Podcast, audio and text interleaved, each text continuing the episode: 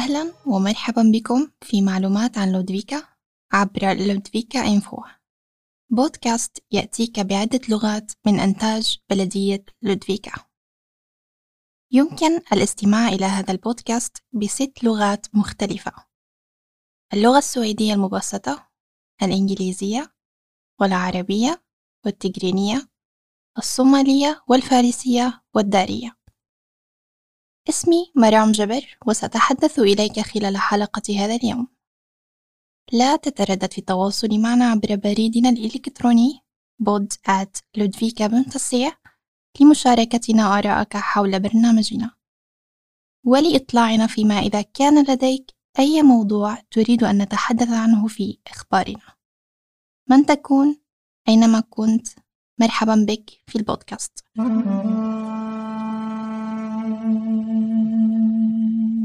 من المهم أن تعرف كمستمع أن التغييرات يمكن أن تحدث بسرعة فيما يتعلق بكورونا. فبالتالي فإن الأشياء التي قدمناها في البودكاست سابقا فيما يتعلق بالقواعد حول كوفيد 19 ربما قد تكون قد تغيرت عندما تستمع إلى هذا القسم. لذلك من الجيد أن تبقى على اطلاع دائم على أحدث المعلومات المتعلقة بالكورونا يمكنك العثور على هذا على موقع وكالة الصحة العامة السويدية أو عن طريق الاتصال بالرقم @3 3 أخبار لودفيكا. منذ حوالي سبع سنوات أظهرت البلدية ولأول مرة ما تريد أن تفعله على الشاطئ أسفل بحيرة باسمان وحدث الكثير من ذلك الحين. كلف المشروع ما يزيد قليلا عن 21 مليون كورونا سويدية. من بين الأشياء التي قد تم إنجازها إصلاح الجسور والمقاعد الإضاءة وميدان أسفل الدرج الجديد. والسرعان ما ستتمكن أيضا من لعب ال bangolf وهي رياضة تشبه الجولف ولكنها تلعب في ملاعب صغيرة. في فيسمانس تراندن. أصبحت معظم التغييرات التي خطط لها قبل حوالي سبع سنوات حقيقة وواقعة لكنهم أرادوا بناء مبنى سكني ولم يحدث ذلك بعد. يعارض العديد من سكان لودفيكا بناء المنازل هناك لكن البلدية تعتقد أنه يمكن بناء المساكن هناك في وقت ما بين 2025 و 2030 ستستمر البلدية في التخطيط للميزانية الخاصة بها لتكون قادرة على مواصلة تطوير فيسمانستراندن وهناك بعض الأعمال المخطط لها في المستقبل وذلك لتجميل المنطقة المعروفة باسم مارج ثروث إنهم يريدون إنشاء قطع أرض للزراعة بحيث يمكن للناس أن يزرعوا هناك. ويريدون أيضا إعداد أماكن يمكن للناس فيها تناول طعامهم في الهواء الطلق. ننتقل إلى الرعاية الصحية. في هذا الربيع من المتوقع افتتاح عيادة محلية جديدة في لودفيكا غرفة الطوارئ فيما هي هي مكان في المستشفى مفتوح أيضا في المساء وعطلات نهاية الأسبوع حيث يمكنك التوجه إذا مرضت بسرعة وتحتاج إلى رعاية كان في لودفيكا ولكن قبل عشر سنوات كان مغلقا ويمكنك بدلا من ذلك الذهاب إلى فالون إذا كنت بحاجة إلى رعاية طارئة خلال هذه الأوقات. عندما اضطر العديد من المرضى إلى الذهاب إلى فالون، كان على سيارات الإسعاف نقل الأشخاص إلى هناك، وهذا يعني أن سيارات الإسعاف ربما كانت مشغولة بالنقل، عندما تكون هناك حاجة ملحة إليها في أماكن أخرى. على عكس غرفة الطوارئ الموجودة حاليا في الموقع ستكون غرفة الطوارئ مفتوحة على مدار 24 ساعة في اليوم وسيكون من الممكن أيضا تزويد المرضى برعاية أكثر تقدما. يعتقد مجلس مقاطعة دولنا أن قسم الطوارئ يمكن أن يساعد في تقليل عدد الزيارات سنويا لغرفة الطوارئ في فولن بمقدار خمسة آلاف وسبعة آلاف. سنواصل أخبار الاستثمار في لودفيكا لأنه خلال الفترة من 2017 إلى 2021 ستنفق البلدية ما يقارب من 50 مليون كرونة على الأرض وأعمال البناء في لي بيكس باريت وبالقرب منها المكان الذي توجد فيه اليوم بعض المتاجر بما في ذلك روستا وكوب. ومن بين الأمور الأخرى يريدون تمهيد الأرض بحيث يمكن بناء المزيد من المتاجر هناك. أخبار تتعلق بالتطعيم ضد كورونا. وبدأ التطعيم ضد كورونا في دولنا وفي لودفيكا. وفي دول خاصة للمسنين. لا يمكن حاليا تحديد موعد للتطعيم ولكن ستظهر المعلومات متى يمكنك القيام بذلك وكيف سيتم ذلك. سيقومون أولا وقبل كل شيء بتطعيم أولئك الذين يعيشون في مساكن خاصة وأولئك الذين لديهم رعاية منزلية ورعاية صحية منزلية وأولئك الذين تزيد أعمارهم عن سبعين عاما أو ينتمون إلى مجموعة معرضة للخطر. ثم أيضا الموظفين الذين يعملون في مجال الرعاية الصحية. إذا كنت تنتمي إلى أي من هذه المجموعات ستتلقى مزيدا من المعلومات حول وقت وكيفية حدوثها وتدعو المنطقة حاليا الأشخاص الذين تزيد أعمارهم عن سبعين عاما ولديهم رعاية صحية منزلية حوالي ثمانمائة شخص للإبلاغ وتقديم اللقاح. الأماكن التي سيجري فيها التطعيم هي قاعة حفلات Folkets Hus في لودفيكا ومركز رعاية سناخو وسيفسكوردن في فريدريكس باري والآن بعد أن بدأ التطعيم لوحظ أن المحتالين أي الأشخاص المخادعين بدأوا في الاتصال ويقولون إن بإمكانهم إعطاء التطعيم في المنزل مقابل رسوم. من المهم أن تعرف أن التطعيم مجاني. في الوقت الحالي لا يتم تطعيم أحد في المنزل. بعبارات أخرى إذا عرض عليك التطعيم في المنزل أو طلب منك إبراز رقم تعريف البنك الخاص بك أو دفع ثمن التطعيم فيجب أن تكون مرتابا وعليك القلق. تقول الشرطة أنه من المهم إبلاغ الشرطة إذا حاول شخص ما تقديم لقاح بهذه الطريقة. نود أن نخبرك أن أولئك الذين يمتلكون مطاعم بها مقاهي خارجية في بلدية لودفيكا لن يضطروا إلى دفع رسوم مقابل جلوسهم في الهواء الطلق لمدة ثلاث سنوات. قدر السياسيون أن البلدية ستخسر إيرادات تقارب 300 ألف كرونة سويدية ولكن يبدو أن هناك المزيد. اتخذ السياسيون في بلدية لودفيكا هذا القرار لأنهم يريدون مساعدة المطاعم لأن فيروس كورونا جعل من الصعب على المطاعم بقاء نشيطة يحصل الطلاب على نتائج مدرسية أفضل مع NTA عملت بلدية لودفيكا لأكثر من عشر سنوات مع شيء يسمى NTA والعلوم التكنولوجية للجميع. في مرحلة ما قبل المدرسة والمدارس الخاصة والمدارس الابتدائية. ثم تحصل المدارس على مواد للمعلمين والطلاب في هذه المواد وتتعامل معها في المدرسة. تم تصميم هذا البرنامج للطلاب ليكون لديهم رغبة أكبر في NO والتكنولوجيا والرياضيات. العلم هو الموضوع الذي تقرأ فيه عن الطبيعة وتشمل العلوم الطبيعية موضوعات الأحياء والكيمياء والفيزياء. أصبح المشروع شائعا للغاية ويعمل معه أكثر من ألفين طفل وطالب كل عام. لقد تم التحقيق في كيفية تأثير هذا البرنامج على الطلاب وقد تبين أنه يسير بشكل أفضل للطلاب الذين شاركوا في هذا البرنامج في مواد الأحياء والفيزياء والكيمياء والتكنولوجيا والرياضيات أكثر من الطلاب الآخرين. أخيرا وليس آخرا سنتحدث عن بلدية أخرى غالبا ما يتسوق فيها سكان لودفيكا ويخبروننا أنه اعتبارا من فبراير سيتم تغيير ساعات عمل كوبولن في بورلينيا بسبب الوباء. كان هناك عدد أقل من الأشخاص الذين يزورون مركز التسوق وبالتالي سيتم فتحهم في أيام الأسبوع حتى التاسعة عشر بدلا من الساعة عشرين. لذلك ستغلق القبة في الساعة التاسعة عشر تماما في أيام الأسبوع ويفتحون في الساعة العاشرة صباحا كالمعتاد.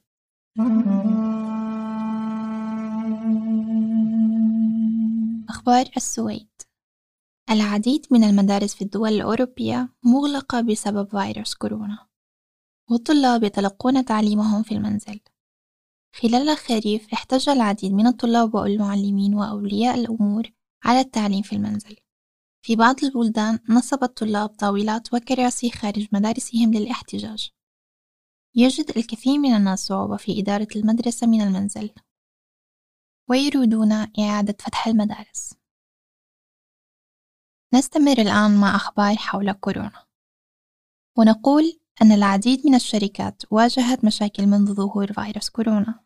هذا يشمل الفنادق والمطاعم فقد أصبح لديهم عدد أقل من الضيوف ونتيجة لذلك فقد الآلاف وظائفهم كثير ممن فقدوا وظائفهم هم من الشباب ويحصل العديد من الشباب على أولى وظائفهم في الفنادق والمطاعم من بين جميع الأشخاص الذين تتراوح أعمارهم بين الخامسة عشر وأربعة وعشرون عاما واحد من كل أربعة أشخاص عاطل عن العمل الآن ما يقرب من مئة وخمسون ألف شابا بلا عمل مقارنة بالعام الماضي كان العدد أربعة عشر ألف. ما زالت الحالة مع فيروس كورونا صعبة. خلال فترة الفيروس أصيب ما يقرب من نصف مليون سويدي من بين أولئك الذين يختبرون أنفسهم يصاب المزيد والمزيد. معظم المصابين تتراوح أعمارهم بين عشرين وتسعة وخمسون عاما في الوقت. الحالي. هناك أيضا عدد غير قليل من الأشخاص المصابين الذين تتراوح أعمارهم بين الثالثة عشر والخامسة عشر عاما ومن الثامنة عشر عاما إلى التاسعة عشر عاما. يتلقى العديد من الأشخاص أيضا الرعاية في المستشفيات لأنهم أصيبوا بمرض خطير من الفيروس. تقول معظم المناطق أنها تعتقد أنه سيكون هناك المزيد من المرضى. بدأ التطعيم ضد الفيروس في السويد لكن الأمر يستغرق وقتا قبل أن تقلل اللقاحات من العدوى. ونستمر ببعض الأخبار الأخرى عن كورونا لأن الإصابة بالفيروس مستمرة في السويد. الوضع خطير لذلك يمكن للمدارس التزويد الطلاب المدارس الثانوية بالتعليمات في المنزل. يمكن للمدارس أن تقرر بنفسها ما إذا كانت تريد ذلك. قررت الحكومة هذا الأمر مع السلطات والوكالة الوطنية للتعليم ووكالة الصحة العامة السويدية. تجنب ركوب الطلاب الحافلة أو القطار إلى المدرسة قد يقلل خطر الإصابة بالفيروس. لكن السياسيين ما زالوا يعتقدون أنه من الأفضل أن تكون المدارس مفتوحة قدر الإمكان. يجد بعض الطلاب صعوبة في الدراسة في المنزل. ويحتاج الكثير منهم إلى التفاعل الاجتماعي مع الأصدقاء الذي تستلزمه المدرسة. يجب على كل بلدية أن تقرر بنفسها ما إذا كان يجب أن تقوم المدرسة الثانوية بالتدريس عبر الإنترنت أو في المنزل. يختلف الوضع مع الإصابة في البلاد. يجب على جميع المدارس التأكد من أن الطلاب الذين يحتاجون إلى وجبة غداء يتلقونها حتى لو كان الطلاب لديهم دروس في المنزل.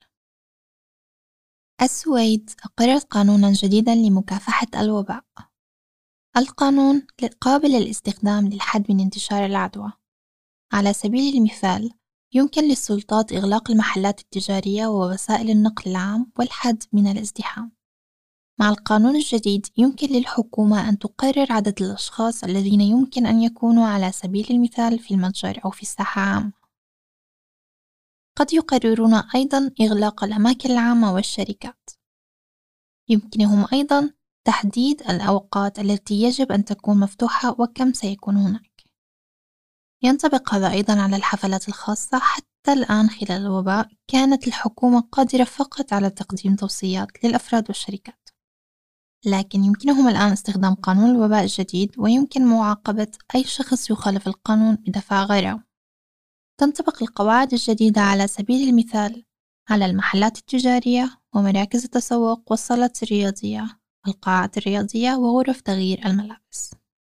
يجب عليهم التأكد من عدم وجود ازدحام وتقع على عاتقهم مسؤولية التحقق من عدد الزوار لديهم. ويجب أن يكون لكل زائر عشرة أمتار مربعة على الأقل للتنقل. لا يزال بإمكان ثمانية أشخاص كحد أقصى التجمع. على المسرح ودور السينما والحفلات الموسيقية والمسابقات الرياضية والاجتماعات الدينية. والآن ينطبق القانون على الحفلات الخاصة.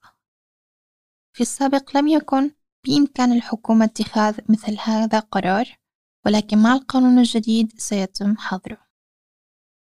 ملايين لبحوث كورونا.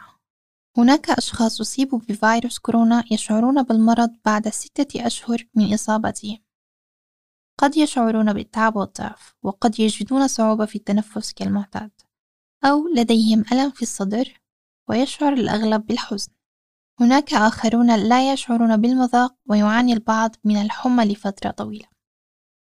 تريد الحكومة السويدية الآن استخدام 50 مليون كورونا لإجراء أبحاث جديدة سوف يفحص أولئك الذين مرضوا لفترة طويلة من كورونا. وتأمل الحكومة أن تقدم إجابات عن سبب مرض بعض الناس لفترة طويلة. وما هي المساعدة التي يحتاجونها, يحتاجونها لتقديمها؟ الكثير من الناس يريدون أخذ اللقاح. يجري الآن تطعيم ضد فيروس كورونا في السويد. إن كبار السن والأشخاص الذين يعملون في مجال الرعاية الصحية هم الذين يتلقون اللقاح أولا. والغالبية العظمى تقول نعم للقاح اضطر السويديون عدة مرات للرد على استطاعات الرأي حول ما إذا كانوا يعتزمون التطعيم ضد كورونا. المزيد والمزيد من الناس يقولون نعم. وأظهر الاستطلاع الأخير أن 80% يريدون أخذ اللقاح في أكتوبر من العام الماضي قال 50% أنهم يريدون أخذ اللقاح تريد الحكومة أن يأخذ سبعين بالمئة على الأقل من السويديين اللقاح كلما زاد عدد الأشخاص الذين تم تطعيمهم يكون من الأسهل إيقاف العدوى. يشعر البعض بالقلق من أن اللقاح له أعراض جانبية. تقول وكالة المنتجات الطبية أنها تقوم بفحص 38 شخصا تم تطعيمهم. ربما أصيبوا بالمرض من اللقاح. هؤلاء على سبيل المثال أصيبوا بالحمى والصداع والحساسية بعد التطعيم.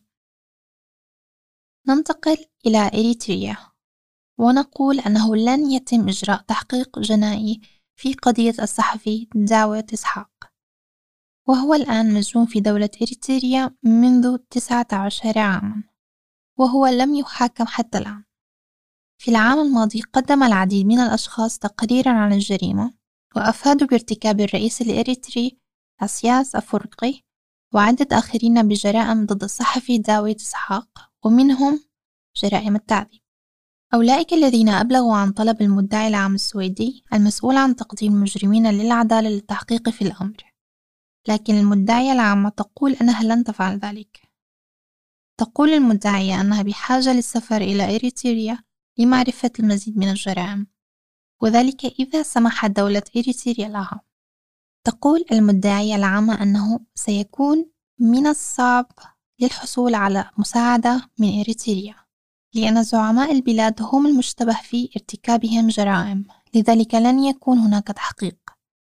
داويد إسحاق صحفي من إريتريا وهو أيضا مواطن سويدي عاش في السويد لسنوات عديدة. النزاع حول الناتو. يجتمع السياسيين الآن لمناقشة موضوع الدفاع عن السويد. يسمى الاجتماع الناس والدفاع. السياسيون يجتمعون كل عام هذا العام جرى الاجتماع عن طريق شبكة الإنترنت. كانت هناك بعض المشاكل في الاجتماع. الوزيرة آن ليند لا تحب القرار في الصوت في البرلمان السويدي لصالح اقتراب السويد من الناتو قبل عيد الميلاد.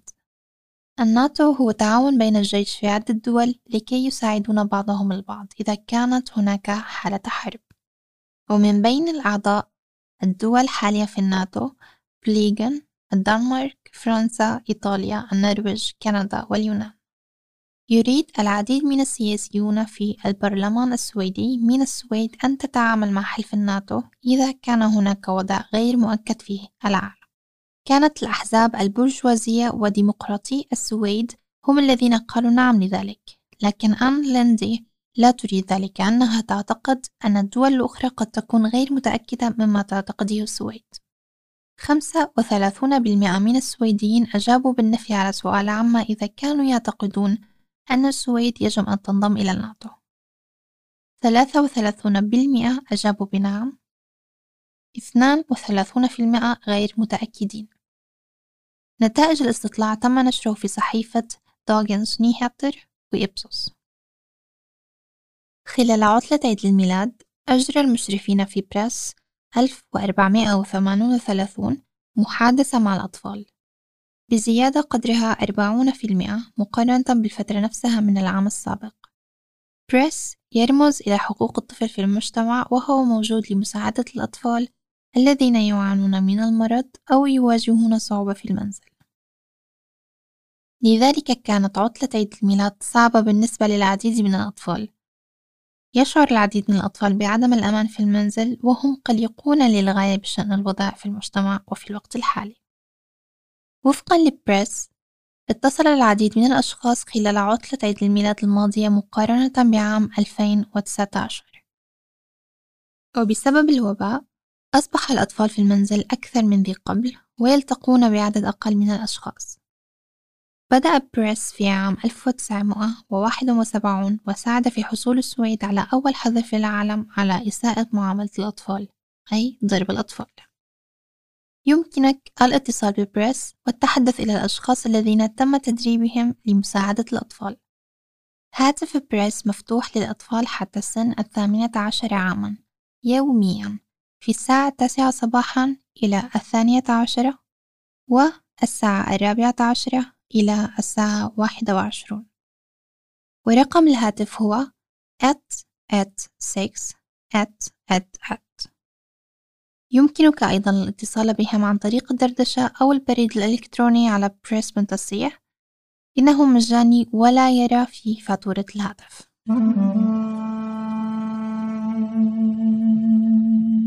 مهنة الأسبوع. اليوم سوف نخبرك عن مزيد عن مهنة الحلاقة أي تصفيف الشعر. يعمل مصفف الشعر على استقبال العملاء وقص الشعر وتلوينه واستشواره وغسله. من المهام الأخرى هي عمل وصلات الشعر وتصفيف الشعر في الحافلات وحفلات الزفاف. يمكن لمصففي الشعر أيضا إجراء علاجات مختلفة للشعر مثل لفات الشعر والتدليك. ويتخصص بعض مصففي الشعر كمصففي شعر الرجال أو النساء بينما يعمل البعض الآخر في قص الشعر للرجال والنساء كلا. مكان عمل مصففي الشعر يسمى صالون. مهنة تصفيف الشعر هي مهنة خدمية مما يعني أنه من المهم أن تحب العمل مع الناس. من المهم أيضا أن يعرف مصفف الشعر ما إذا كانت تصفيفة الشعر تناسب شخصية العميل وأسلوبه ووجهه. يجب أن يكون مصفف الشعر قادرا أيضا على تقييم خصائص الشعر وجودته حتى لا يضر العلاج بالشعر. في أغلب الأحيان تبيع صالونات الشعر أيضا العديد من منتجات العناية بالشعر مما يعني أن مصففي الشعر يجب أن يكونوا أيضا قادرين على تقديم المشورة بشأن منتجات العناية بالشعر والعناية بالشعر. من الشائع أن يكون لمصففي الشعر شركتهم الخاصة مع صالون خاص بهم. ولكن بصفتك مصفف شعر يمكنك أيضا استئجار صالون. وغالبا ما يسمى هذا تأجير كرسي. ثم تدفع رسوما لصاحب الصالون لكنك تحصل على راتبك من العملاء الذين لديك. يمكنك دراسة مهنة تصفيف الشعر في المدرسة الثانوية ومن خلال برنامج الحرف اليدوية.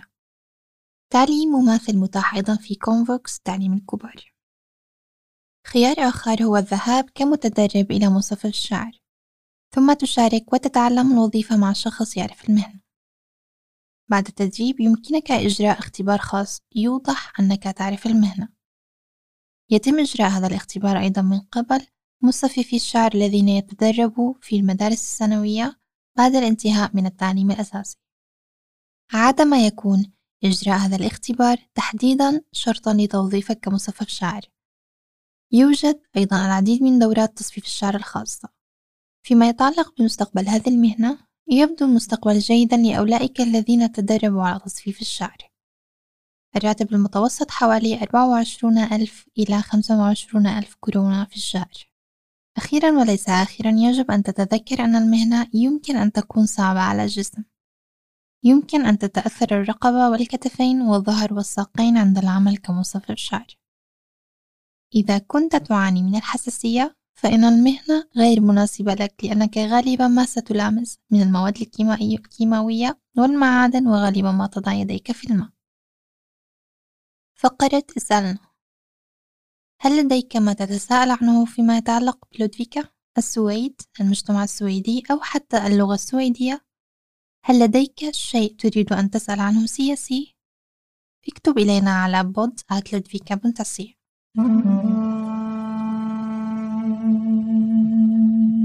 السويدية هذا الأسبوع. إليك أيضا بعض الكلمات من قسم اليوم والتي قد تبدو لك أكثر صعوبة بقليل. ett. dock وتعني لكن. två. budget وتعني ميزانية. tre. avancerad وتعني متقدم. fyra. patienter وتعني مرضى fem أنستلد وتعني موظف سكس erbjuda وتعني عرض خو misstänksamhet وتعني مشبوه åtta. Protestera وتعني وقفة احتجاجية نية أوميانغ وتعني النشأة الاجتماعية تاريخ لودفيكا اليوم سوف نتحدث عن مدرسة لورنس باري الذي تم بناؤها لأول مرة في عام 1864 قبل ذلك كان على الطلاب الذين يعيشون في المناطق المحيطة بلورنس باري الذهاب إلى المدارس في هامرباكن كان مبنى المدرسة القديم في حقل كبير قريبا من مكان المدرسة اليوم. حيث توجد قرية تقريبا اليوم كيرتس هوزفاغن كارفان كورتس دولار ستور. في وقت مبكر من عام 1910 أصبحت المدرسة صغيرة جدا وكان يجب نقل الطلاب إلى مدرسة فالهال سكولان والتي تم بناؤها حديثا. هناك كتب قديمة متبقية من هذا الوقت حيث كتب المعلمون سبب تغيب بعض الأطفال أي لم يأتوا إلى المدرسة. وهناك يمكنك أن تقرأ أن الأطفال كانوا في المنزل بسبب أنه يتعين عليهم مساعدة والديهم في العمل أو عدم وجود ملابس دافئة كافية للطقس. بدأ بناء المدرسة التي تعرف باليوم بلورنس باري في الخمسينات لكنها تلقت أيضا مبان جديدة وتم تجديدها. إنهاء الحلقة. أشكركم على الاستماع إلى حلقة هذا الأسبوع من لودفيكا إنفو. لا تنسوا الاتصال بنا إذا كان هناك شيء تريد منا أن نخبرك به. ربما لديك شخص تعتقد أنه يجب أن يكون في برنامجنا. اكتب إلينا على بود اعتنوا ببعضكم البعض وتذكروا اتباع القواعد التي تنطبق في وقتنا الحالي أي في كورونا. أنا مريم جبر والذي يجلس أمامي الآن مهندس الصوت الموهوب مطي. نهاية نشرتنا شكرا للمتابعة وإلى اللقاء.